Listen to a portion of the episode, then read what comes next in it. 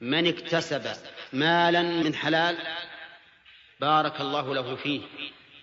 إن تصدق به قبله الله. إن أنفقه بارك الله له فيه. إن خلفه وورثه من بعده كان له بذلك أجر.